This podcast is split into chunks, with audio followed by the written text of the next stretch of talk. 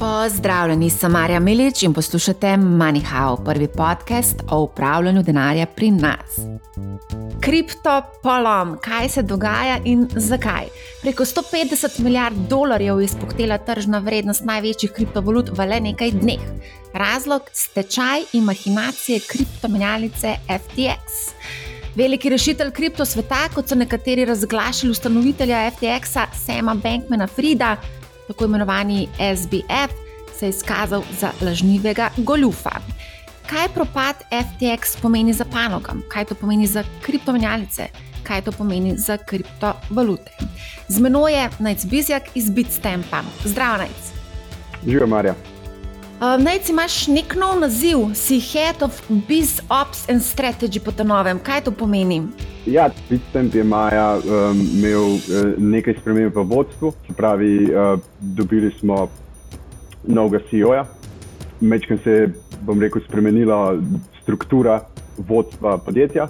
V okviru teh sprememb sem jaz pravzaprav iz funkcije Chief of Staff prešel na prav operativno področje in to so v bistvu poslovne operacije in strategija, kjer pravzaprav vodim ekipo na področju strateških inicijativ, partnershipov, pricinga, market analiz uh, in podobno. Torej, zelo podrobno spremljaš že po defaultu dogajanje na kriptotrgu in razmišljaš o razvoju in strategijah kriptopanoge in seveda vašega podjetja. Zadnje čase bolj kot bi si želel. 24-7. Trenutno si v New Yorku, tam si že nekaj mesecev in boš do konca leta, vsaj tako si mi povedal, ko smo se na na zadnje pogovarjali. Predvidevam, da tako kot vse večje in resne kriptomenjalice, tudi na Bitstampu budno spremljate aktualno dogajanje. Seveda, um, zadnji dogodki so bili, um, milo rečeno, neprijetno presenečenje za, za našo industrijo.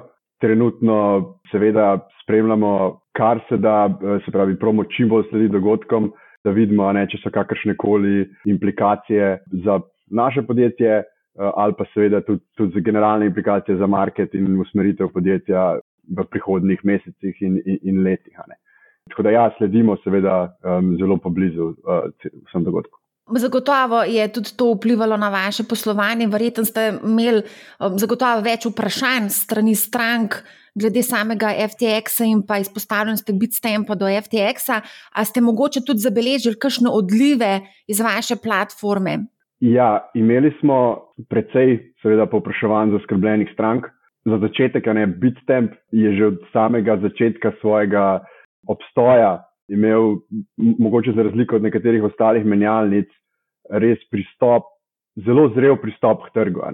Mi smo bili z vidika trga pogosto videni kot ta, tisti ta dolgočasni, a ne tisti ta počasni. Ampak zakaj? Zaradi tega, ker smo zmeraj vlagali v regulativo, v compliance, v varnost sredstev strank in to zahteva ogromno, ogromno enega uložka, tako z vidika spravi personela. A ne imamo 200 ljudi, ki se ukvarjajo samo s compliancem in regulativo, to sploh ne vključuje recimo security-ja se pravi, to stane in to nas je mogoče mečkano počasnilo, ampak zdaj smo dobili dokaz, da je to pravilen pristopanje. Prva menjalnica regulirana leta 2017 že v Luksemburgu kot, kot Payment Institution License, ena izmed prvih menjalnic uh, regulirane strani New York Department of Financial Services leta 2020. Tako da dejansko smo iz te cele situacije pravzaprav išli v redu. Mi nimamo nobenega exposurja, oziroma nismo imeli nobenega exposurja do FTX-a in do Alamede. Seveda pa nažalost so nekatere naše stranke imele uh, izpostavljenost um, do FTX-a in Alamede. Um, in posledično potem ne, se trenutno glavna diskusija, ki, ki, uh, ki jo imamo, je, ne, da je treba delati s nekaterimi partnerji ne, in jim dati ustrezna zagotovila, ne, da, zakaj smo mi drugačni. Tako da, če odgovorim na tvoje vprašanje, na korporativni strani so bili nekateri odlivi, ki so posledica popolnoma normalnega risk managementa vsake institucije in se to pravzaprav pričakuje v takih situacijah, da se sredstva od, od se pravi, counterpartijev potegnejo ne, in se potem naredi ustrezen due diligence in potem se nadaljuje normalne operacije. Medtem ko na retail strani oziroma na strani posameznikov pa pravzaprav beležimo neutralno, rahlo pozitivno, um, rahlo pozitivno poslovanje prav zaradi te naše drže, a ne se pravi compliance first, client security first, client asset security first in tako naprej. Tako da short term negative long-term positive for the industry. Se pravičujem za angliščino, ampak sem tako v temu, temu noter, da je težko. Pozabiš slovenščino v teh parih mesecih, ne? se se heca. Pozabiš, ja, pozabiš, skoraj pozabiš. Skoraj pozabiš. V glavnem, ja, se je FTX se je tudi v bistvu smatral kot za nekega resnega playera, resno igralnico. Kako misliš, da se bo kripto pobral iz te res velike godle? Ja, uh, sigurno, je, sigurno je setback za celo industrijo. Ne? Druga največja menjalnica, treba je vedeti, da ta prostor je izjemno povezan med seboj. Eno veliko podjetje, ki deluje na Bitstampu, se pravi nek market maker, ima izpostavljenost verjetno po celem ekosistemu. Kaj to pomeni, da lahko predpostavljamo, da je velik odstotek industrije oziroma podjetij, ki delujejo v industriji večjih, večjih playerjev, bil izpostavljen FTX-u. In to se seveda zdaj tudi dokazuje. Zdaj, če so bili njihovi risk management praktisi dobri, se pravi, da so ustrezno menedžirali tveganja, potem tukaj gledamo izpostavljenost 10%, ne, kot neki, neka razumna, razumna izpostavljenost na, na, na, stran, na sprotni stranki. Če pa je bilo to slabo, pa lahko tukaj zdaj gledamo 50 in več odstotno izpostavljenost. Ne. In to pomeni propad oziroma potencijalno ne, insolvenc, insolvenco takih podjetij. In zdaj razsežnosti tega še ne poznamo, ne vemo, to se bo zdaj počasi skristaliziralo tekom naslednjih tednov. Siguren bo velika javna, javna afera. No. Veliko bo zavideti na Twitterju in na vseh ostalih socialnih omrežjih, veliko nekih novic bo, veliko enega senzacionalizma. Uh mhm. -huh. Zdaj pa, kako se poberemo, mi moramo biti boljšine. Kripto, vsi resni igravci na tem trgu, kripto exchange, se pravi menjalnice, in ostali, bom rekel, udeleženci na tem trgu. Moramo se zavedati, da je način, kako ta industrija raste, je preko regulative in tudi preko nekega odgovornega ravnanja vseh udeležencev na trgu. Se pravi, kaj, kako mislim, da se bo pobrala zadeva, je, da je enostavno večja transparentnost na samem trgu. Videli bomo tudi verjetno ta tema, ne, se pravi ta decentralizirani oziroma nek self-custody, se pravi, da ti v svojo denarnico iz exchange potegneš sredstva. Bom rekel, ta tema bo pridobila na veljavi in bomo videli, ne, da, se ta, eh, da se bo ta prostor bolj razvil. Ampak z vidika, z našega vidika je pomembno, ne, da damo vsa ustrezna zagotovila našim strankam in to morajo narediti vsi ostali udeleženci na trgu, da, ne, da, da nismo vsi črni, ne, da nismo vsi slabi. In to je način, kako lahko rastemo. Se pravi, večja transparentnost, in, in nažalost na tudi več ustrezne regulacije, ne niso vse licence enake. Ja, tudi Binance pa Kraken sta v bistvu po tej kolobociji pozvala k večji transparentnosti in omenjala sta tudi, da želite vzpostaviti proof of reserves. Kaj to konkretno pomeni? Proof of reserves konkretno pomeni, da lahko stranke kriptomenjalnic transparentno dostopajo do podatkov, da obstajajo rezerve oziroma sredstva, ki podpirajo obveznosti menjalnice. Ne, pravi, zelo pomembno je tukaj, da sta tukaj dva aspekta. Eno so sredstva. Te sredstva trenutno vidimo, na, vidimo kroži veliko po, po, po socialnih omrežjih, ne, kako menjalnice zdaj prikazujejo svoje walete in koliko imajo sredstev. Ampak to so samo sredstva. Ne. Lahko da obstajajo še druge, neke druge denarnice, kjer so še kakšna dodatna sredstva, to je prva možnost. Druga pa je, da obstajajo tudi seveda obveznosti. Ne, če imam jaz 3 milijarde sredstev, pa 5 milijard obveznosti, je, je, je to seveda, mi to pravzaprav nič ne pove. Tako da obe strani je treba dokazovati. In zdaj, kako se to lahko dela?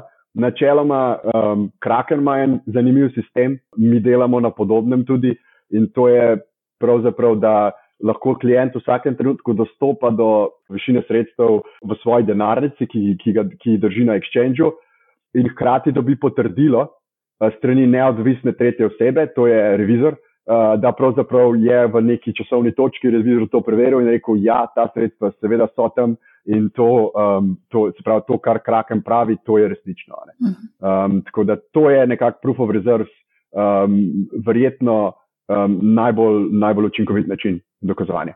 Številne te menjalnice trenutno v ponedeljek 14.11. je 525 menjalnic po svetu, večina je registrirana nekje v nekih davčnih oazah, tudi v primeru FTX je bilo tako.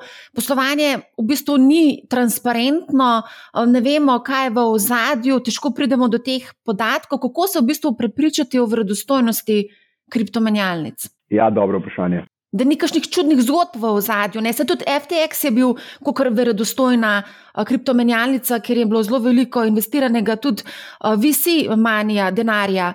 Tako da, kako v bistvu sploh to preveriš? Tudi konec koncev, mogoče Bitstamp ali pa Kraken ali pa Binance, mogoče se kaj v zadju kuha, kar še ne vemo. ja, odlično, odlično vprašanje. Po bitki je lahko biti generalane. Dejansko je, mislim, Sam Bankman-Fried uspel celo industrijo pripričati v nekaj, kar je bilo zelo daleč od resnice. In to je v bistvu kolektivni poraz za industrijo in, in, in deležnike, da se je pač to, to zgodilo. Tako da ne, ne pravim, da um, ne, vsi bi mogli biti boljši. Nažalost na je temu tako. Zdaj pa kako ugotoviti, ne, oziroma kaj bi lahko bili tisti dejavniki, na katerih lahko gradimo neko zaupanje, da menjalnica je se pravi, da je legitimna, da ravna sredstvi klientov tako, kot, tako, kot se spodobi, tako kot se mora, seveda, popolna segregacija oziroma separacija sredstev klientov in tako naprej. Kako, da, kako zagotovimo, da so sredstva varna? Zdaj, prvo, čist nekako, prva razmejitev bi bila lahko, ali ta menjalnica posluje onshore ali posluje offshore. Se pravi, kaj to pomeni? onshore menjalnice načeloma smatramo tiste, ki delujejo, se pravi, imajo domicil in licenco v razvitih ekonomijah, kjer obstajajo, um, bom rekel, najbolj strogi regulatorni režimi z vidika, z vidika finančne regulative. Se pravi, to delamo ZDA, Evropa in pa potem od azijskih, a ne seveda Avstralija, Ja, Singapur, Hongkong, to so te režimi, in se pravi onshore, offshore. In zdaj lahko gledamo, ali so te menjalnice, recimo Kraken, Coinbase, Gemini, Bitstamp, so recimo menjalnice, ki popolnoma delujejo ne, onshore. Ne. Mi imamo entiteto v Luksemburgu, ki je regulirana, se pravi payment institution, se pravi plačilna, plačilna institucija. Potem tudi licence, seveda v New Yorku. Se pravi, vaša sredstva so onshore, ne sedijo nekje na Seychellih, in v neki neregulirani, um, se pravi, v neki neregulirani entiteti. Ne. Druga zadeva je razlikovanje posledično med samimi licencami. Ne. Neka, neka licenca, v, pa brez zamere, ne vem, v Južni Afriki ali pa v Dubaju, verjetno ni enaka licencam, ki jih uh, izdajajo, um, se pravi, organi v Evropski uniji in, in, in v, v ZDA. Pravi, to je druga zadeva. Potem pa eh, generalna transparentnost uh, menjalnice, ne kje sedež te menjalnice, to tudi nekako veliko pove. Potem pa pravzaprav je treba že iti globje, eh, po mojem mnenju. Ali gre v tem primeru za revidirano, revidirano entiteto? To pravi, ali, ali je nek revizor, ki je finančne izkaze timo potrdil. Kakšna je zgodovina te menjalnice? Ali je zelo na hitro nastala ta menjalnica? Je to v zadnjih dveh letih zrastelo od nič do, um, vem, 3 milijarde volumna na dan? Ker če je, pomeni, da verjetno, se pravi, da trgujejo proti svojim klientom ali pa da imajo od zadaj neke, um, neke, bom rekel, dogovore, da nekdo podpira to likvidnost na nek umeten način. Ne? Se pravi, da ta zadeva ni zrastla, bom rekel, naravno. Ne? Tako da to bila najbolj taka osnovna, bi rekel, res ta onshore, offshore in pa ta uh, licenciran status, kar vsak lahko preveri. Potem pa gremo že v neke bolj detaljne um, indikatorje, ki so pa lahko indicije, ali je to res nekaj, kar je legitimno ali nekaj, kar ni. Ne? Kakšne recimo plačilne opcije vam ponuja ta menjalnica? Imate samo kreditno kartico ali imate dejansko SEPA transferje, um, International Wire, prek katerih bank delujejo, ker načeloma menjalnica, ki, ni, ki nima regulatorno urejenih zadev, ne bo morala dostopati do bank. Tako da veliko je stvari, o katerih bi lahko govoril, res je lahko, eh, bom rekel, samostojna debata, ne? ampak nekako osnovno bi bilo to. to. V bistvu moraš kar narediti domačo nalogo. Že tako, ne? ko greš v eno tako investicijo, se moraš zelo dobro pozanimati tudi o sami menjalnici, če ne lahko pristaneš v taki godli, kot je zdaj veliko investitorjev zaradi FTX-a. Mogoče lahko poveš, glede na to, da si rekel, da še ne poznamo razsežnosti te zgodbe, mogoče lahko pride do nekega tsunamija stečajev, mogoče. Je pa Binance omenjal, da, bi, da bodo ustanovili nek sklad, Industry Recovery Fund, za pomoč podjetjem, ki imajo likvidnostne težave zaradi FTX-a. A mogoče biti s tem tudi kaj razmišljal o tem, ali pa da bi se pridružil tej pobudi Binance-a? Če začnem z Binance-om, ne. E, e, danes smo imeli to diskusijo, tako da smo se nekako začeli o tem pogovarjati, ne, kaj, lahko, kaj lahko mi naredimo za, za ekosistem treba je vedeti, da menjalnica Binance je bistveno večja od Bitstamp, pa ne, oni so verjetno 70 odstotkov trga in verjetno razpolagajo z res močnim balance sheetom. Uh, imajo tudi svoj ta uh, sklad tveganega kapitala, prek katerega bodo verjetno kapitalsko podpirali podjetja, ki so v težavah. V tem trenutku, se pravi, mi gledamo, kako bi se lahko tej inicijativi pridružili in kako bi lahko pomagali. V tem trenutku je zelo zgodaj karkoli zaključiti ogromno enega senzacionalizma. Ne. CZ, ki je CEO od Binance, ima ogromen nek, bom rekel, ogromno sledilcev na Twitterju in zdaj, so, zdaj se ta zadeva trenutno najavlja, kako pa se bo dejansko udejanila. Pa tega trenutno noben ne ve. To lahko da bo samo v bistvu, da je lahko samo PR poteza, da pravzaprav Binance rešuje dobra podjetja iz, bom rekel, sklada tveganega kapitala, ki ga je imel FTX se pravi, da pravzaprav želijo samo pobrati iz tam ven tisto, kar je dobro, pa pustiti tisto, kar je slabo, da nekako, um, bom rekel, odmrejane. Mi, tako kot ponavadi, si bomo vzeli malo več časa, bomo, bomo razmislili, pa ne bomo nekako, bom rekel, zelo bili, um, se pravi, na prvo žogo nekako skakali na neke te priložnosti. Naša vloga trenutno, oziroma kje mi vidimo svojo vlogo, je, da izobrazimo ljudi, kako izgleda dobra menjalnica. Kaj so tiste glavne karakteristike? Ker, kot si sama prej izpostavila, ni enostavno. Ni enostavno in, in to je v bistvu ta tudi kolektivni mogoče poraz industrije, da nismo uspeli tega jasno povedati, kako ločiti nekaj do, dobro od slabega. Uh, tako da to je naša vloga, kako lahko to tukaj čim bolj neko ozaveščenost uh, dvignemo um, globalno. Potem pa sledijo seveda potencijalne naložbe v, v, v podjetja, ki so, ki so v težavah. Ja, dejansko v bistvu Taki primeri mečejo slabo luč na celo panogo in v bistvu očrnijo čisto vse v tej panogi. Že, um, že a priori ni nekega zaupanja v to panogo, je velika skepsa. Tako da s takimi zadevami se pa to samo še poglablja. In zdaj, v bistvu, preostali, ki delate v redu, uh, se morate toliko bolj dokazovati in boriti za, za to, da prepričate ljudi, da ste pa vi ok. Ja, kaj se je dogajalo, recimo, pred prejšnjo sredo? Je bilo, da pravzaprav v tem medvedjem trgu so se, so se institucije zelo odprle, so bile zelo naklonjene ideji, da, da dodajo kripto v svoj portfelj ali kot naložbo. Ali pa kot neka opcija, ki jo ponudijo svojim klientom. Videli smo Mastercard, recimo, je najavil sodelovanje, da bodo tržili, se pravi, nek tako imenovani white label produkt, preko celega svojega networka. To je, to je ogromen dogodek nekako za industrijo. Ne. Potem vidimo Fidelity, Nasdaq, ogromna State Street, Bank of New York Mellon, največji, se pravi, custodiani oziroma tisti, ki držijo vaše delnice, so najavili, da bodo ne, rešitve za kripto pravzaprav razvili oziroma so jih že. A, tako da res, kaj smo mi čutili, je, da so bili vsi naklonjeni, institucije so bile zelo naklonjene temu, temu pogovoru, kako se izpostaviti kripto. Ni bilo pravzaprav vprašanje, kdaj, a, oziroma če, ampak bolj kako. Od prejšnje srede pa so pa te pogovori kar naenkrat ratali precej težji. Zaradi tega, ker moramo vedeti, da neka kreditna institucija, neka banka, zato da pride do tega, da doda kripto kot nov, nov business line. To so management boardi, risk committee, vse sorte enih aprovalov, da prideš do te točke, da rečeš, ok, gremo razviti produkt, gremo live. Ne? In zdaj vsa ta vrata so kar naenkrat se za pol zaprla. Ne? Niso se čisto zaprla, ampak so se pa mal zaprla. Ne? E, tako da to bo zdaj pač težji bodo vsi te pogovori. Adoption dejansko bo mogel, se bo večkrat ustavil. Tako da bi rekel, da se bo cikl za ene 3 do 6 mesecev podaljšal, podaljšal in v tem času bomo mogli mi v bistvu jas, bolj jasno pojasniti svojo vlogo in zakaj so stvari, ki jih počnemo, pravilne in izobraziti tudi vse ostale, kako je treba te stvari uh, nekako početi.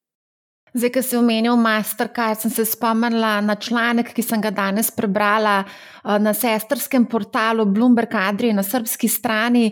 In sicer uh, Srpska centralna banka je povedala, da njihova zakonodaja tega ne podpira. Sam to povem, da še v Srbiji tega ne bodo dovolili, ampak bomo videli. Um, Mogoče bi se tukaj vrnila na eno zelo zanimivo zadevo, ki se je zdaj že večkrat izpostavil in sicer tvitanje in te finfluencerji oziroma kriptoinfluencerji. Tvitanje je v bistvu postalo na nek način. Kar precej nevarno. Ne? Tweet lahko na eni strani v bistvu sesuje kriptomenjalnico, na drugi strani pa lahko tweet tudi premika tečajnice. To smo recimo danes videli, ko je Elon Musk tweetnil, da Bitcoin will make it, but might, might be a long winter. Se ti zdijo, da so takšne manipulacije trga strani enega, recimo temu influencerja, normalne za en tak trg? Ne? To se mi zdi, da mogoče, mislim, jaz tega si ne znam predstavljati, ko govorimo o delniških trgih, da bi, dobro, vse se je tudi že dogajalo, no, ampak ni, ni to tako običajna praksa, da bi en, ki ima ne vem, koliko sledilcev na Twitterju z enim tvitom premikal tečajnice. Karkoli reče, se premakne, gor ali pa dol. Ja, se pravi, jaz ne poznam čist tako natančno točne zakonodaje um, delniških trgov v, v ZDA. Ne. Vem, da je Bitcoin ven iz domene SEC, se pravi Securities and Exchange Commission. Ker če bi Musk kaj takega naredil iz eno delnico, je to ne, pregonljivo. Ne. Tako da um, on si, bom rekel, to ni, sigurno ni dobro za trg. Uh, sigurno ni dobro za trg, prvo zadevo, ki si omenila, da je Twitter nevaren. Jaz nekako se strinjam s tem. Ne? Jaz mislim, da je Twitter da je izjemno neka nevarna, neko nevarno okolje, kjer se lahko javno mnenje se izoblikuje izjemno hitro, izjemno implozivno, lahko v pozitivno smer, lahko v negativno smer. In pogosto brez ustrezne eh, podlage v dejstvih zelo, zelo subjektivno. In pravzaprav to od njega uporabnika povprečnega zahteva, da gre na Twitter in pa loči zrno od plevela, praktično, kar je že tudi težava, zaradi tega, ker imamo polno nekih influencerjev in tudi Elonov maskov, če hočemo, ki neko svojo agendo eh, pravzaprav zelo uspešno postavljajo v odspredje. Se lahko vzamemo Binance. Binance se meni zdi izjemno, izjemno impresiven z vidika produkta, kaj so uspeli narediti um, cela zgodba zgleda zelo, zelo dobra. In tudi Cizi je pravzaprav nek kult osebnosti uspel ustvariti na Twitterju, praktično, ne, kot kar Cizi reče, tako pravzaprav mora biti. Ne. In zaenkrat je The Good Guy, ne, je, je pač nekako pravilno se odziva na, na vse te zadeve. Je pa ta linija zelo tanka in vedeti moramo, da Binance je še zmeraj offshore. Binance je še zmeraj izjemno ohlapen v svojem koru to, če, če imamo sredstva na Binance, en argument se, se, se recimo lahko reče, ok, too big to fail. Se pravi, če gre Binance dol, bo itak cela industrija šla na nulo, s čimer se strinjamo ali pa ne. Ampak dejstvo je, da če gre za neko, da bi mogel iti za nek recovery nekih sredstev v nekem katastrofičnem scenariju, ne vemo, kje je to. In je to precej ohlapno, se zmeri bottom line.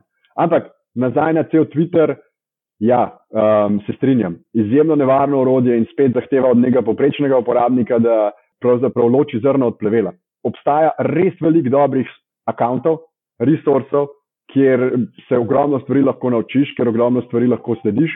Ampak jaz bi prej rekel, da je pa 80% senzacionalizma, kjer je pa treba biti zelo rezerviran, glede tega, kaj nam, kaj nam Twitter sporoča. Včeraj, recimo, je skoraj potopil crypto.com eno menjalnico, ne, ker se niso javljali, ne vem, šest ur in so bile špekulacije, da so, da so insolventni.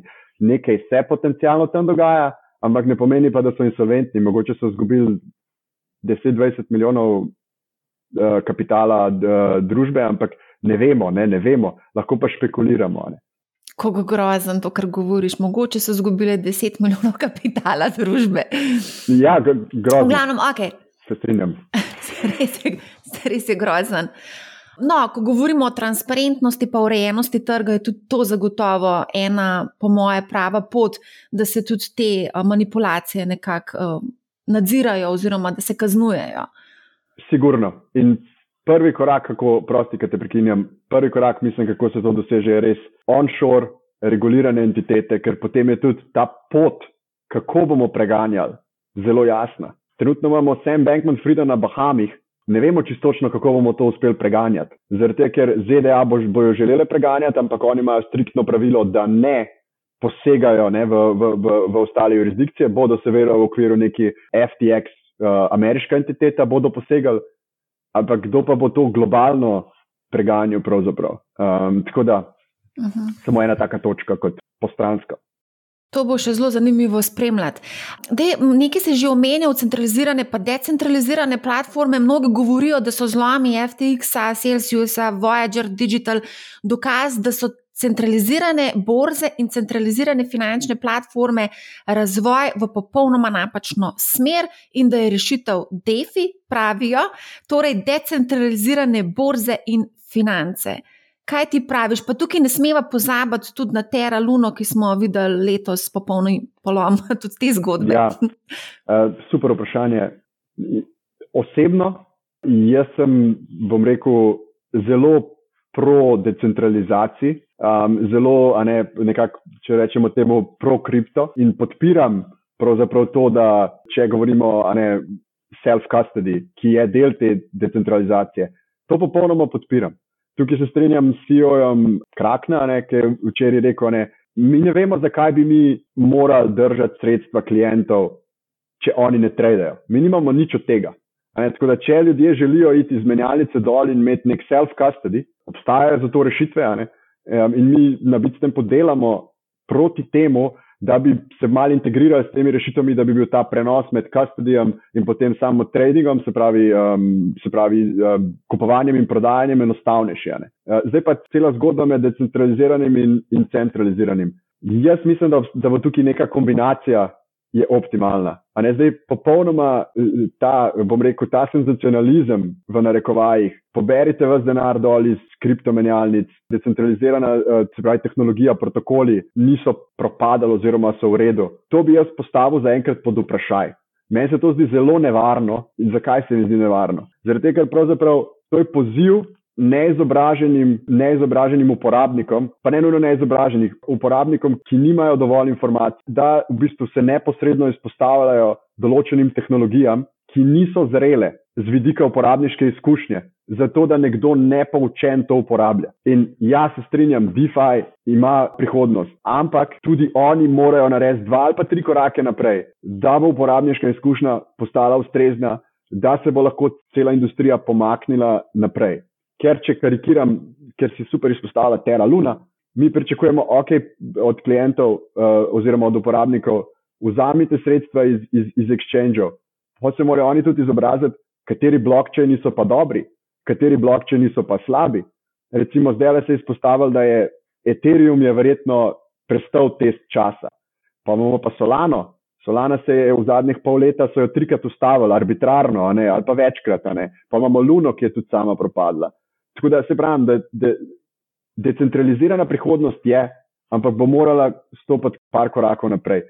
Centraliziran del enako velja. Ne? Mi moramo tudi pravi, se izboljšati preprosto, dati dodatno zagotovila klientom. Še ena zadeva tukaj, uh, da ne bo predolg odgovor. Vsi nekako maksimalisti oziroma zagovorniki decentralizacije se morajo tudi zavedati, koliko velik je v bistvu centraliziran del trga naredil za splošno ozaveščenost in adoption kripta. V prejšnjem bull marketu so bili centralizirani exchange verjetno tisti, ki so pritegnili množice, ki so pravzaprav omogočili, da je vstopil v trg vstopil kapital, ki je sploh lahko podprl razvoj tega bolj nišnega trga, tega bolj decentraliziranega trga. Torej, niso eni beli, drugi pa vsi črni nekako, ampak je treba najti pot naprej hand in hand nekako. Tako da to bi bil nekako bil. Um, zdaj, po tej FTX drami, se verjetno obeta železna roka regulacije, to pa lahko konec koncev tudi spremeni kriptotrg. Kako misliš, da bi to lahko spremenilo, v, v kakšno smer bi lahko šli? Jaz mislim, da ha, obstaja par luken, ki bi jih lahko zakrpali, regulatorja. Ena je recimo taka zanimiva, je, da ne obstaja absolutno pravilo v vseh jurisdikcijah Evropske unije, da so sredstva klientov ločena od menjalnice v primeru insolvenčnega postopka. Se pravi, to pomeni, da recimo neka menjalnica postane insolventna, nimamo absolutnih zagotovil v vseh jurisdikcijah Evropske unije, da se sredstva klientov tretirajo pravzaprav uh, ločeno, ne? se pravi, da obstaja lastniška pravica, izločitvena pravica v insolvenčnem postopku, da so ta sredstva popolnoma varna od klientov in se ne smatrajo kot del stečajnega postopka. To bi recimo bil zelo dobrodošel korak, ki ga majka, se pravi ta Marketing Crypto Assets Regulation, ga ima. Ampak ker se ukvarjajo toliko z nekimi drugimi mehkimi, manjšimi, bom rekel, podrobnostmi zakonodaje, nažalost, to lahko pričakujemo šele leta 2024. V ZDA to že obstaja zelo jasno, ne? se pravi, trust ima loč, uh, ločena sredstva. To bi bilo recimo zelo dobrodošlo in, in to bi mi absolutno pozdravili, ker trenutno mi delamo, mi v Luksemburgu ta zadeva obstaja, ampak ne obstaja pa pravzaprav v vseh jurisdikcijah Evropske unije enako. Torej, poenotenje regulative, to bi bilo zelo, zelo dobrodošlo. Kaj lahko še nekako pričakujemo? Regulativa bo zahtevala več transparentnosti napram klientom. Kanada, recimo, že ima take, zadeve, ima že take, uh, take določbe, kjer zahteva regulator, da na dnevni ravni menjalnice poročajo proof of reserves. Pravzaprav. Se pravi, na dnevni ravni moš ti postati regulatorju, ok, assets, liabilities. Ne? In to je spet nekaj, kar tisti, ki nima nad za skrit, bo pozdravil, ker to je tisto, za kar bi si mogli prizadevati. Na drugi strani me pa skrbi, da bo pa to neugodno vplivalo na, na inovacijo. Se pravi, da bo DeFi deležen pozornosti, uh, da bodo, bom rekel, više zahteve za KYC, AML, uh, plačevanje s kriptovalutami bi, bi se znal regulatorno zamejiti. To so neke take zadeve, ki pridejo na misel, več mogoče pozornosti za uh, kriptožetone posameznika, kako so regulirani, se pravi, kakšen je njihov status. To bi tudi čeprav to bi lahko pozdravili na področju Evropske unije, kjer je res malo Wild West. Ampak na splošno mislim, da bolj bo ta reputational damage, kot, ki, bo, ki bo nekako ostal. Je tudi prišla vest o zlorabi v bistvu investitorjev strani FTX, ki so posojali oziroma omogočili uporabo premoženja strank v zastavo za financiranje tveganih naložb, v bistvu te Alameda Research, ja. ki je bila v bistvu stranka. FTX, oziroma uh, tudi uh, um, lastniški delež, uh, oziroma ustanovitelj je bil tudi um, tega Alamede. Ne? To je bilo v bistvu nekako zelo tako šokantno spoznanje uh, za praktično vse iz te panoge. Kako je možno, da so uporabljali sredstva vlagateljev za neke svoje stave? Kako je to sploh možno? Ja, zelo zanimivo vprašanje. Um, se pravi, najprej ena točka, ki si jo izpostavila prej, kako vedeti oziroma kaj je lahko nek red flag, če kako nekako menjalnico ločiti od, od drugih, aj dobra ali slaba. Če je lastnik neka trading firma, je to sigurno slab znak. Se pravi, da je večinski lastnik menjalnice neko podjetje, ki pravzaprav deluje na tveganskem spektru, na tem popolnoma tveganem delu. Zdaj spet. V retrospektivi ne, je to se zdi zelo logično, ampak to je sigurno eden izmed znakov, ki nam lahko povejo, da tam se pa nekaj, do, nekaj dogaja. Malo zgodovine je v bistvu tako, da je ne, Sam Bankman Fried pa par njegovih prijateljev oziroma drugih traderjev, oni so bili prej na Jane Streetu, to je tudi ena taka velika, velika trading firma, ki deluje tako tradicionalnem kot, kot kriptotrgu in potem so šli in so ustanovili Alamedo, ki je bila precej uspešna, ne, oni so se osredotočali na kripto in potem so oni ustanovili FTX. In tam se je pravzaprav ta zadeva začela, kjer je pravzaprav Alameda s svojimi uh, aktivnostmi trgovanja podpirala razvoj menjalnice uh, FTX, hkrati je bila pa večinski lastnik, brez nadzornih svetov, se pravi, to ni bilo nobenih uh, management struktur, to je bila ena oseba. Mogoče zelo ozek krok posameznikov, ki so delovali um, oziroma vodili ta cel konglomerat. Tam smo videli, da je 130 podjetij bilo v strukturi. Če malo karakteriziram, Bitcoin jih ima samo pet po celem svetu. Tako da oni so imeli 130 podjetij v tej svoji strukturi, ustvarjali izjemno ohlapno korporativno strukturo, oziroma nejasno.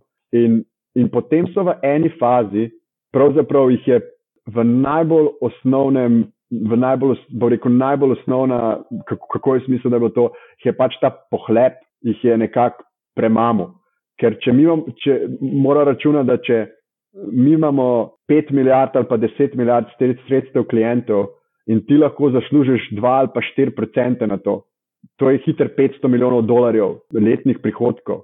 In v eni fazi jaz mislim, da je bilo to tako, ne, da je, oni so rastli uspešno, videli so to rast in potem so enostavno ta oska skupina ljudi dobila nek tak, kako bi temu rekel, sploh tak kompleks Boga. Ne. Verjetno so mislili, oh, se mi smo pa boljši kot vsi ostali. In zaradi te ohlapne korporativne strukture, brez kakršnih koli kontrol, so v bistvu začeli balance sheet, ne, se pravi bilanco stanja menjalnice FTX, ki je bila v lasti Alamede, obravnavati kot bilanco stanja Alamede. In so se začela dogajati posojila, za katera ni noben vedel, ker nobenih kontrol ni bilo. In potem je Alameda prek stav na kriptotrgu, oziroma prek trading activity ali pa naložb, zgubila ta denar. Dejansko, jaz mislim, da so bili izjemno izpostavljeni luni, začelo naj bi se pa že prej, v letu 2021.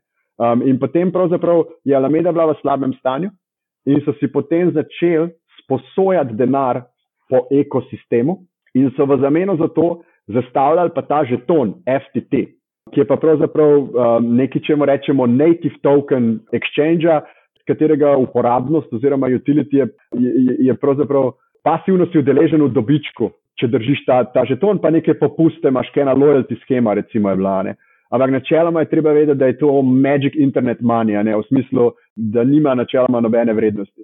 In so zastavljali to za ta, se pravi, so imeli posojila, to je bil kolateral, potem pa vrednost kolaterala začela padati.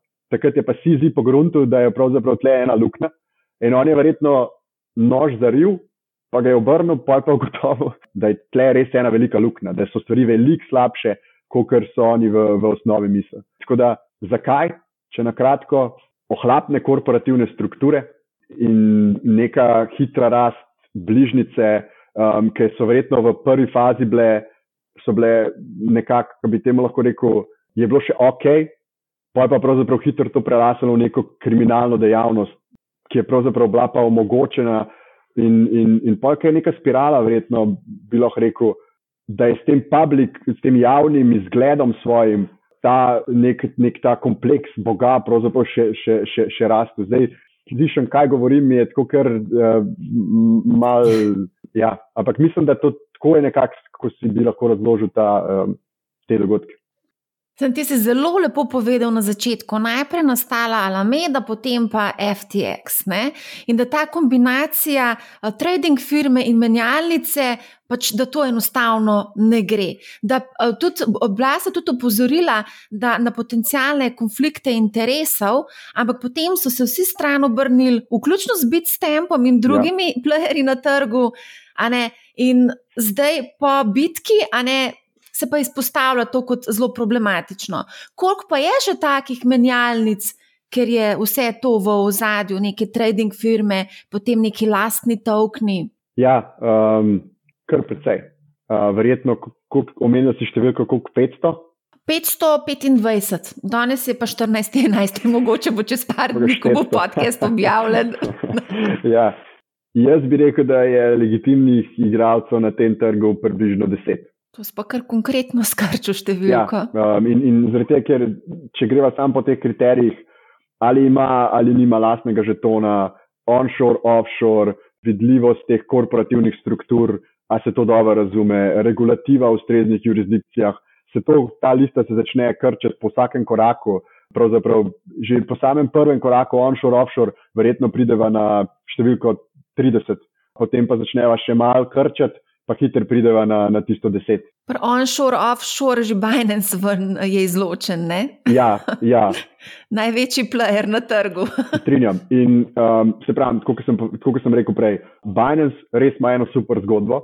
Super produkt, dejansko mislim, da to, kar so naredili, je, je, je impresivno. Um, razumem, zakaj so lahko tako uspešni, kot so, ker dejansko res ta hitrost, s katero se premikajo, je, je um, impresivna, sigurno spet pa, ker, ker nočem špekulirati, uporabniki ne si sami pač pogledajo korporativne strukture, licenciranje in tako naprej. Binance ima neke licence v, licence v Evropi, tako da pa se pravi, uporabniki ne si sami pogledajo, uporabniki ne, ne sami presodijo, ker se pravi, jaz mislim, da z vidika uporabnika je Binance super izkušnja, je pa tudi FTX z vidika uporabnika do prejšnjega tedna bil v redu izkušnja. Um, zdaj ta njihov coin je tudi fascinanten in v bistvu me zanima, zakaj je bil FTX tako zelo občutljiv na gibanje vrednosti njihovega kovanca. Zdaj, vem, da je Alameda imela, to je CoinDesk pisal junija za 14,6 milijarde premoženja, od več, večina ne bi bila pa v teh uh, njihovih uh, uh, coinih, FTX coinih. Ja, zakaj je to pomemben? Zaradi tega, ker kako se to ponavadi naredijo, te, te tokne. To ustvariš neko pametno pogodbo, določiš, bo, se pravi, kakšna bo ponudba tega, tega žetona, recimo en milijon, in potem razdeliš ta milijon med deležnike. Se pravi, deležniki so pa ponavadi glavni um, ustanovitelji, te, uh, ki prispevajo k projektu zgodaj, investitorji, in potem, recimo, recimo pol nekaj pride do komunitija. In ta, že ta raz, zgodna razdelitev ponavadi pove nekaj o zdravju posameznega, posameznega žetona. Ker če je, recimo, več kot 50% suplaja, uh, se pravi ponudbe, kontrolirano strani tistega, ki je ta projekt razvil, je to lahko potencijalni, potencijalni red flag. In v primeru FTT-ja je to pravzaprav, pa tudi v mnogih drugih primerih, da, da je jasno, da ni tukaj samo FTT.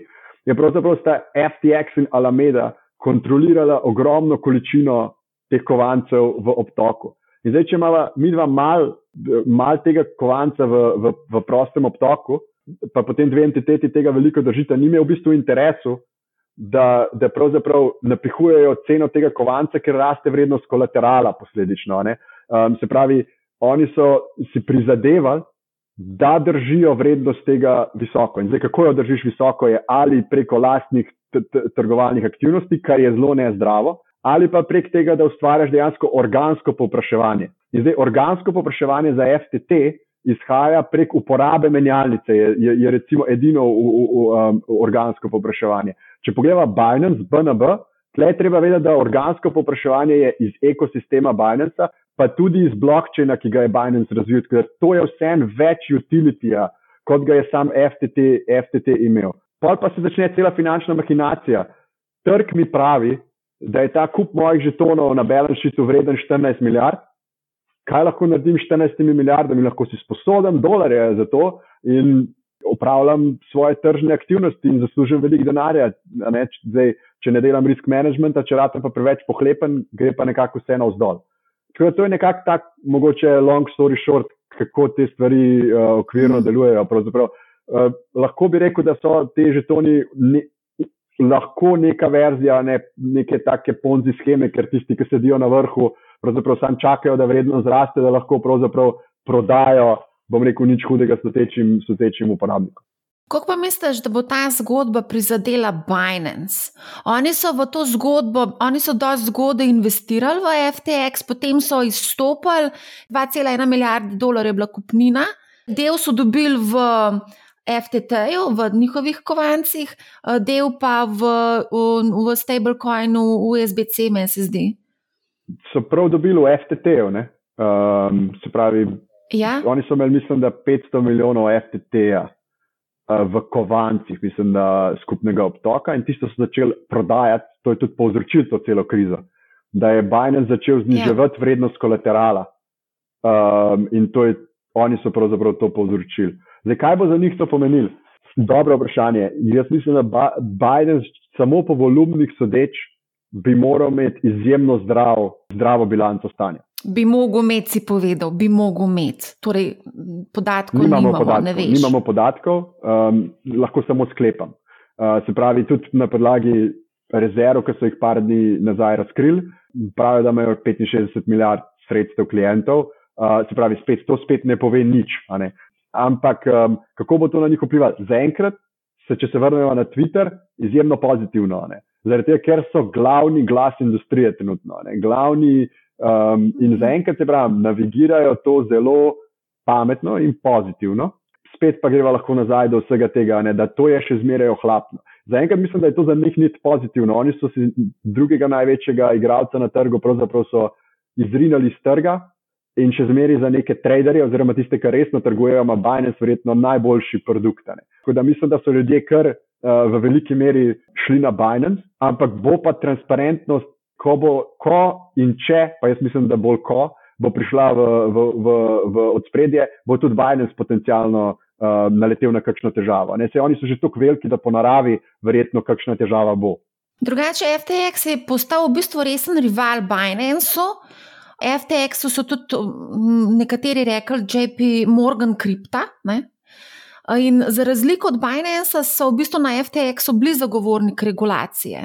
Zdaj, seveda, je Binance po vsej tej drami postal tudi zagovornik ne samo regulacije, transparentnosti in vsega. Prej pa se mi zdi, da niso bili tukaj na tej strani. Se strinjam.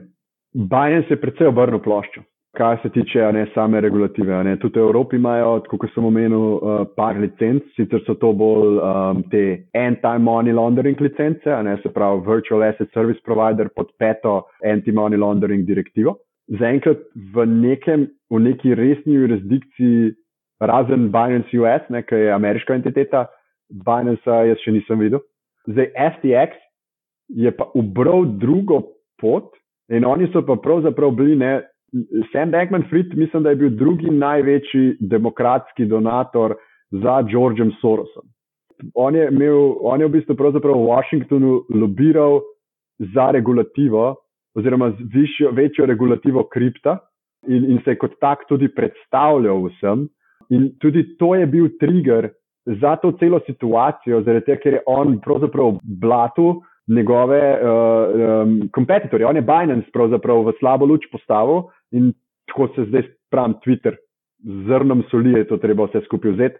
Je to Binance izvedel in je rekel, če se pa tako le gremo, ne, pa bom pa jaz začel pač prodajati ta FTT oziroma to svojo naložbo likvidirati v tvoje podjetje. Ne. In ja, to je v bistvu prav izpostavil FTX popolnoma ne, za vse te to zgodbo in ta imič, ki so ga pravzaprav oni gradili, da to je bilo vse prazno, to je bilo popolnoma slamno. Jaz, če, če lahko primerjam to zgodovinsko, imeli smo uh, Elizabeth Holmes, Teranos, ker so bile tiste krvne, uh, krvni testi, pa Bernie Madoff je bil recimo tudi, ne, on je tudi sedel na SEC-u, v vseh komitejih. Uh, z vsemi regulatorji si je bil blizu, uh, v Washingtonu je lobiral in ne vem, kaj zraven je pa izgubil ne vem koliko milijard sredstev svojih vlagateljev. Jaz po razsežnosti bi to primerjal s tem. A veš, da se s tabo strinjam. Ko sem jaz to zgodbo spremljala, sem se kar vrnila nazaj v leto 2008. Jaz sem takrat v bistvu full spremljala vse možne finančne prevare in dejansko so bile podobne scene, se pravi, so bili zagovorniki regulacije, pojavljali so se na Jumboti, bili so sponzorji raznih športnih društev, skratka, bili so all over the place. Podobna zgodba je bila tudi tukaj. Imeli so full znane tele promotorje, Tom Brady, pa ne vem, Giselle, žena njegova, manekenka, celo ime stadiona, um, um, Miami ja, Heat. Um, točno to. Ne?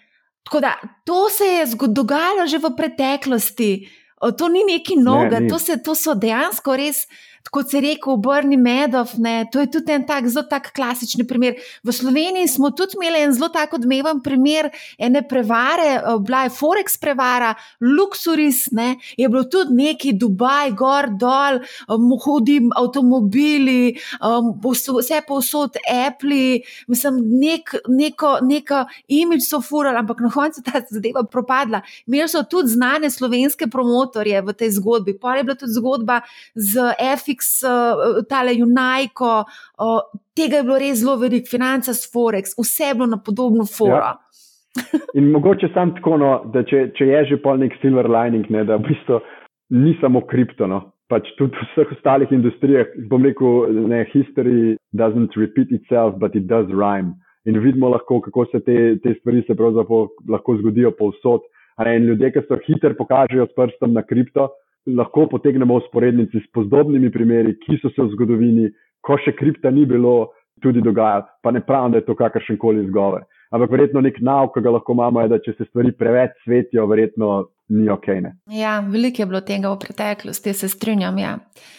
A ste vi tudi mogoče kaj bili izpostavljeni do FTX-a? Ti si rekel, da niste bili noč, ne. ne? Na začetku. Ne, niste mi nismo imeli v bistvu nobene izpostavljenosti. Kot sem rekel, sredstva naših klientov so off-balance sheet, Se pravi, to pomeni, da je revizor potrdil, da sredstva klientov Bitstem pa niso del naših entitet. Pravi, to je popolnoma, popolnoma ločeno, se pravi, popolnoma izločitvena, izločitvena pravica tle obstaja. Tako da mi nismo imeli nobenega vpliva, nobenih, ne trgujemo proti svojim klientom, um, nimamo lastnega žetona, naše rešitve za custody so regulirane, se pravi, tle se pogovarjamo, to je trust. To je sicer v New, v New Yorku, oziroma Wyoming in New York, reguliran trust, ki se imenuje BitGo, tako da pri nas je pravzaprav custody ločen od tradinga. Mi smo edini exchange, ki pravzaprav ima to ločeno. Se Brian Armstrong je lepo rekel, ne? za nas je pravzaprav to non-item, ampak za industrijo pa ni industrije, ne naše stranke so bile uh, pod vplivom, ne se pravi, še zlasti korporativne, se pravi, posamezniki so izgubili veliko denarja in to je, to je tisto, kar je pravzaprav to razočaranje. Mislim, da je SBF razkril v pogovorih z investitorji, da ne bi potrebovali do 8 milijard dolarjev kapitalske injekcije. Kolikšna je ta luknja dejansko več uh, kot 8 milijard ali je to čist neka realna ocena, po tvojem mnenju? Jaz mislim, da je možno, da je še enkrat tok. Zaradi tega, ker to, kar je on ocenil, je, da on verjetno rabi 8 milijard, da sredstva klientom povrne. Ne vemo pa, mhm. kako je teh 8 milijard, kako to vpliva na ekosistem.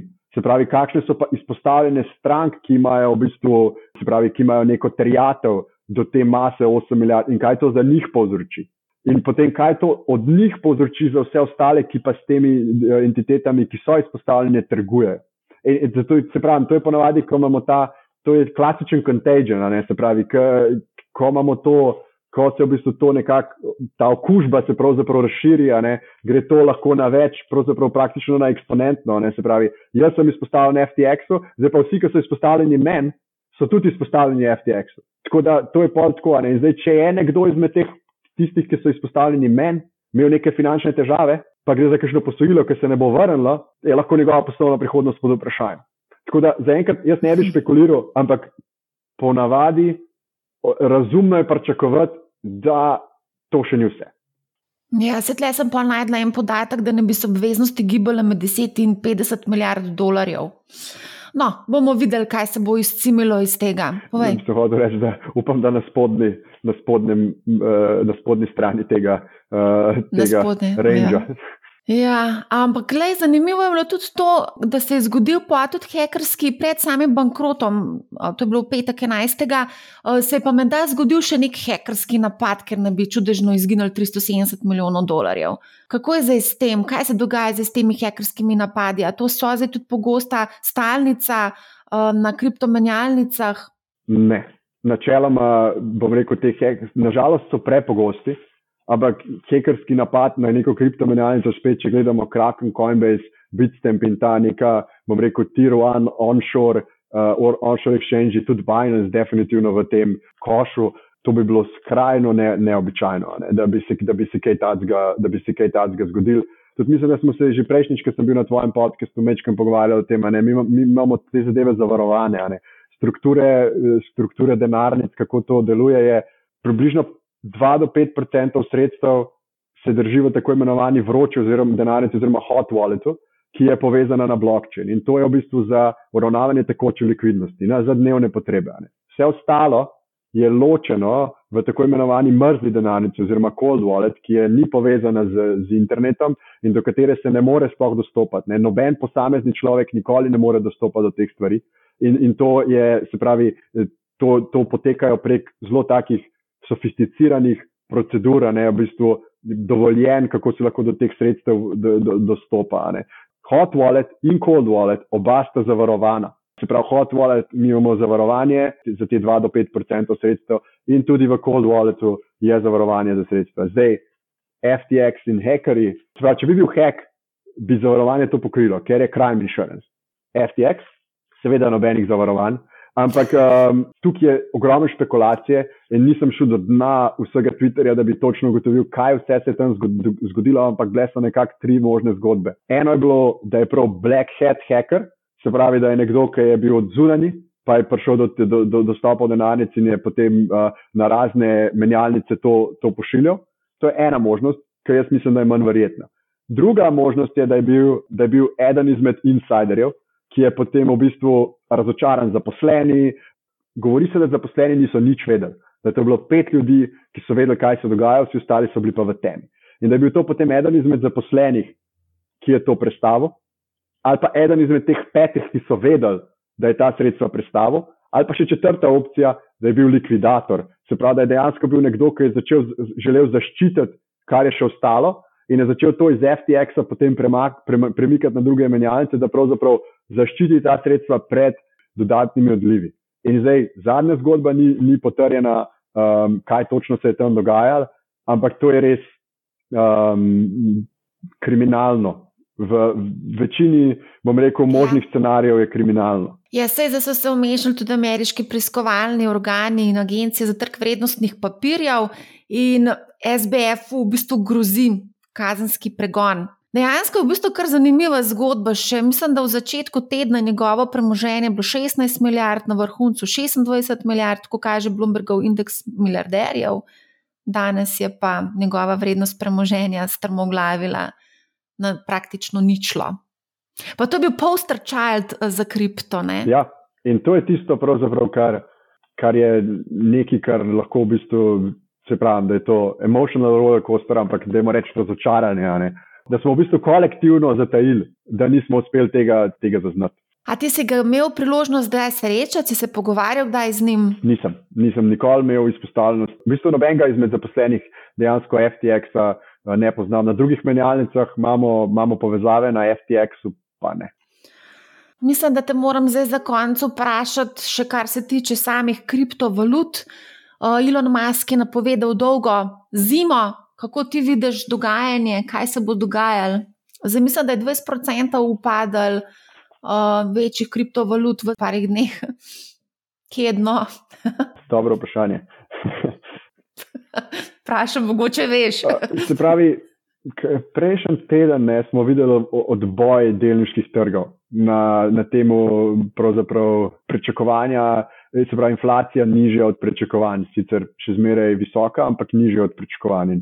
Je bil izjemno pozitiven, pozitiven odziv delniških trgov. In zdaj se veliko se govori, ne, da kje bi bil Bitcoin, če se tole ne bi zgodilo. Ne. In verjetno bi se pogovarjali nekje med 20 in 25, 22 do 25 tisoč, tisoč dolarjev, ne. nekako bi bil čist, čist razumen odboj. Če gremo spet na čist fundamentalno, korak po korak, z vidika ciklov se načeloma to, to ni nič spremenil. Uh, Bitcoin cikl smo nekje 300, od 300 do 500 dneva ponavadi dosega dno. Zdaj, kar se tiče samih odstotkov cikla, zdaj smo že tam pri dnu, ne? minus 84, minus 85, kar se tiče se pravi, čiste teorije ciklov. Še zmeraj nam global makro oziroma cela makrostruktura ni v, v, v prid kripta, vsaj dokler ne vidimo, da bo FED naredil nek, nek pivot, pa verjetno zdaj, zdaj je že v nekaj pozivov do, proti pivotu, ne, ne vem, aj 30, 70 ali kakšno so pričakovanja, ampak počasi, ne, nek preobrat v, v monetarni politiki se pričakuje tekom naslednjih uh, dveh kvartalov. Pol, če gremo tehnično pogledati, imamo tudi neko uh, čisto dodatek, imamo neko dolg, dolg downtrend zdaj Bitcoina, ki nekako se bo cenamo približala tam okrog januarja. To je, bilo, to je slika brez um, pravzaprav da vzamemo v zakup te zadnje dogodke. Kaj so pa te zadnje dogodki povzročili? Minus 20%. Jaz iskreno sem presenečen, kako dobro se zadeve držijo, glede na to, kakšna je, kakšna je potencijalna razsežnost. Tudi sem bil pozitivno presenečen, kako dobro so se zadeve držale predtem, ko so v bistvu delniški tečaji precej fluktuirali, kripto pa je bil precej konstanten, kar je mi dal nekako dal vedeti, da se je izoblikovalo dno. Tako da jaz mislim, da če vzamemo ta dogodek stran, so, so historično, trenutno je historično, pravzaprav so nivoji blizu dna. Zdaj, 12 tisoč je tisti močen tehničen support, uh, kjer je pravzaprav se veliko trgovanja dogajalo v prejšnjem ciklu. Uh, tako da ni nerazumno, da bo, da, bo, da bo se to tudi zgodilo, da gremo do tja, zato ker pač ne poznamo razsežnosti tega primera, ne, ne siguren makro. Eh, je tudi eden izmed, eden izmed močnih dejavnikov. Uh, tako da dolg odgovor, ampak jaz se pravim, uh, čist osebnega vidika, imamo veliko kazalnikov, ki pravijo, da je Bitcoin, da, da Bitcoin postaja uh, spet dobra nakupna priložnost. Kaj pa zdaj tukaj je bitka Bitcoina, ki je v bistvu ostal še vedno proof of work, napram Ethereumu, ki je postal proof of stake.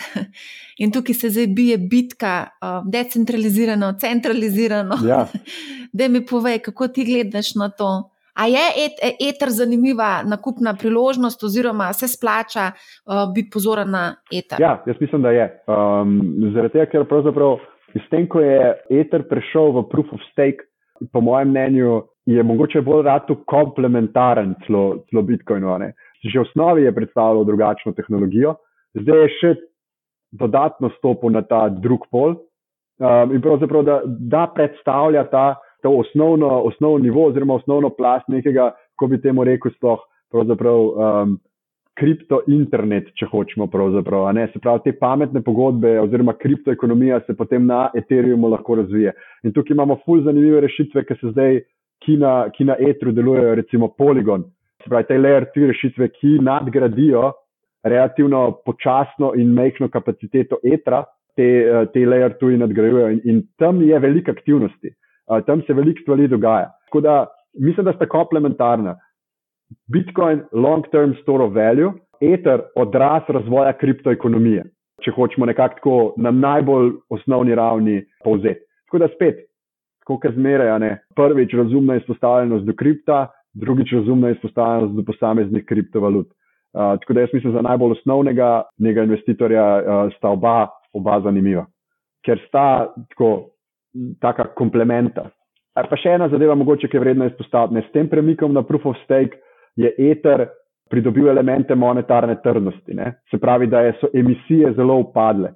In tle je mogoče ta, kjer pravzaprav Ether pravi, aha, pa se mi smo zdaj kot Bitcoin, ampak um, se pravi, te monetarna trdnost je ustrezna, plus še določene stvari lahko zgradiš na, na, na, na Etheru, se pravi, ekonomija se lahko razvije na temo.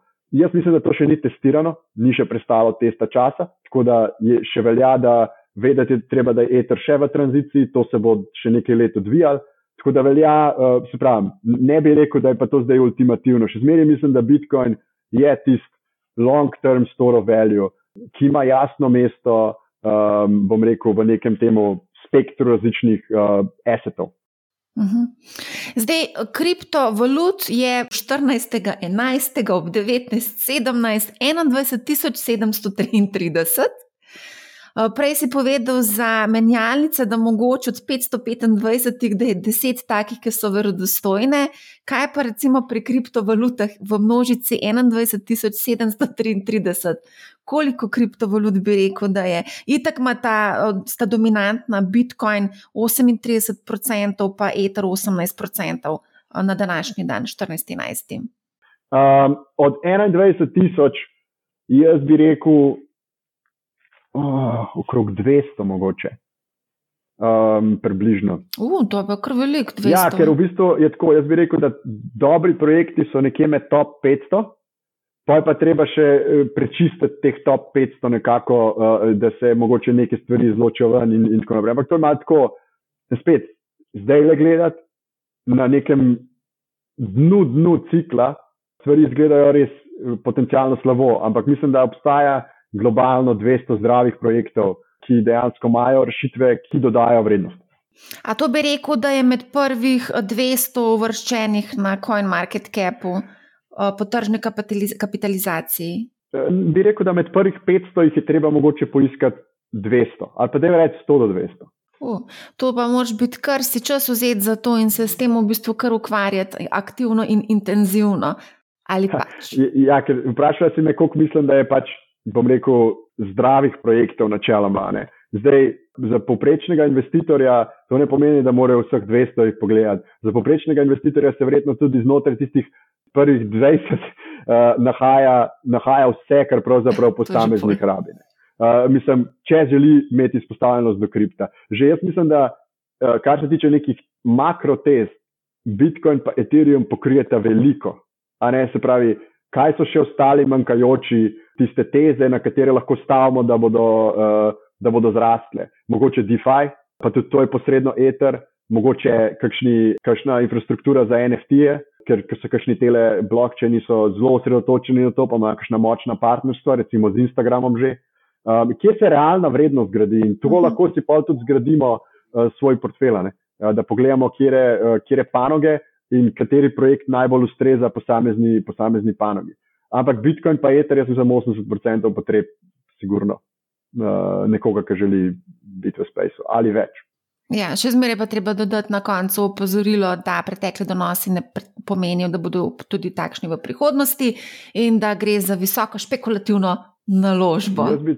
Ter da je treba pač smart Absolutno se strinjam. Jaz bi celo rekel, da je ne, vsaka izpostavljena skriptu, zdaj vsak ima svoj tveganski profil, ampak ne, čist statistično, jaz mislim, da več kot 5% portfelja za, za poprečnega uh, uporabnika. Se pravi, to je spet od starosti odvisno, od apetita, uh, rizika in tako naprej, več kot 5%. Jaz ne bi priporočal nikomor, razen v izjemnih primerih.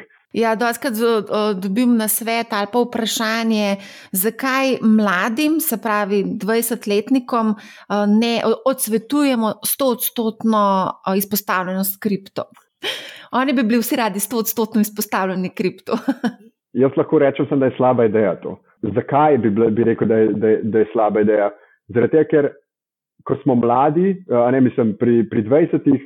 Ne, treba je tudi vedeti, da je relativno majhna raven finančne neodvisnosti. Torej, tudi posledice tvojih uh, odločitev o svojih osebnih financah, obstaja velika možnost, da jih mladi ne bodo nosili sami. Prva možnost, druga pa, da bodo dobili ponovno priložnost v primeru, da naredijo slabo odločitev, pa izgubijo svoj, izgubijo svoj denar. Ne. Hkrati pa, po mojem, kar, kar pa manjka pri mla, mladih, je, ne, mladi so izjemno izpostavljeni internetu in to je tudi ta trend, ne, da vedno več časa preživljamo v digitalnem svetu. In, in to je nek trend, ki ga ne moramo zanikati. Ne. Se pravi, ta tendenca, jaz mislim, da, da svojo vrednost zviš v tem digitalnem svetu, ki ti je blizu, bo sam rast. Kar pa mislim, da lahko naredimo za mlade, je, da, da, da bolj zgodaj. In tega slovenski izobraževalni sistem, jaz mislim, da ne dela, pa tudi kakšen drug ne, da bolj to dolgoročno razmišljanje izpostavimo. Ker jaz mislim, da je, je, z, z vsakim mojim vrstnikom, zdaj, ki se pač pogovarjam, vsi mi rečejo, jaz si želim, da bi začel vrčevati prej. Jaz si želim, da bi začel uh, investirati, pa vsaj mehko mesečno izpostavljenost v, neke, uh, v neko pametno razpršitev, ne v kripto, uh, ali pa 5% v kriptu, da bi to naredil prej. Ker med 20 in 30 letom, ne, pa res rabaš denar za stanovanje, za karkoli, da si ustvariš življenje, takrat se ti pa pozna veliko, če je že nekaj se nabral uh, ne, na strani, pa da nisi vsega v zadnjem kriptociklu, uh, bom rekel, izgubil. Ali pa dobil, ampak tisti so redki. Zelo se strinjam s tabo. Žal na naših šolah učijo gospodinske finance, se pravi prihodki minus stroški, decit. Investiranje še ni prišlo na seznam, ampak ja, se, se počasi spremenja. Ok, najc, um, mogoče samo še za, za konec. Zakaj si ti zdaj v New Yorku, če te smem vprašati? Jaz sem pravzaprav v, v, v New Yorku, to je nekakšen splet, uh, splet osebnega in poslovnega. Se pravi, moja partnerica, ona dela v New Yorku. Uh, hkrati pa pravzaprav tudi mi, uh, Bitcoin, si prizadeva, da bi um, zrastel uh, naš ameriški del pač poslovanja oziroma naše ameriške operacije. In pravzaprav tukaj, tukaj pomagam uh, kolegom iz Amerike, uh, da pravzaprav to postavimo in zrastemo sodelujem zelo blizu z našim uh, ameriškim CEO-jem, pravi Bobby Zagoda. Da, zato sem pravzaprav tukaj. Mogoče bi verjetno začeti s poslovnim delom, osebne dele pa pravzaprav, da imamo tem reči, prijetno koristiti. No, super, odlično. Um, Nec, odlična debata. Hvala za to, da si si vzel danes čas in nam vse to razložil, kaj se dogaja v zadju FTX-a. Iskrena hvala in upam, da se bova kmalo slišala, mogoče celo videla v New Yorku do konca leta. Z veseljem se veselim, hvala lepa. Dragi poslušalci, gledalci, hvala, da ste bili z nami. Poslušajte Mani Hau, ne bo vam žal in lep pozdrav.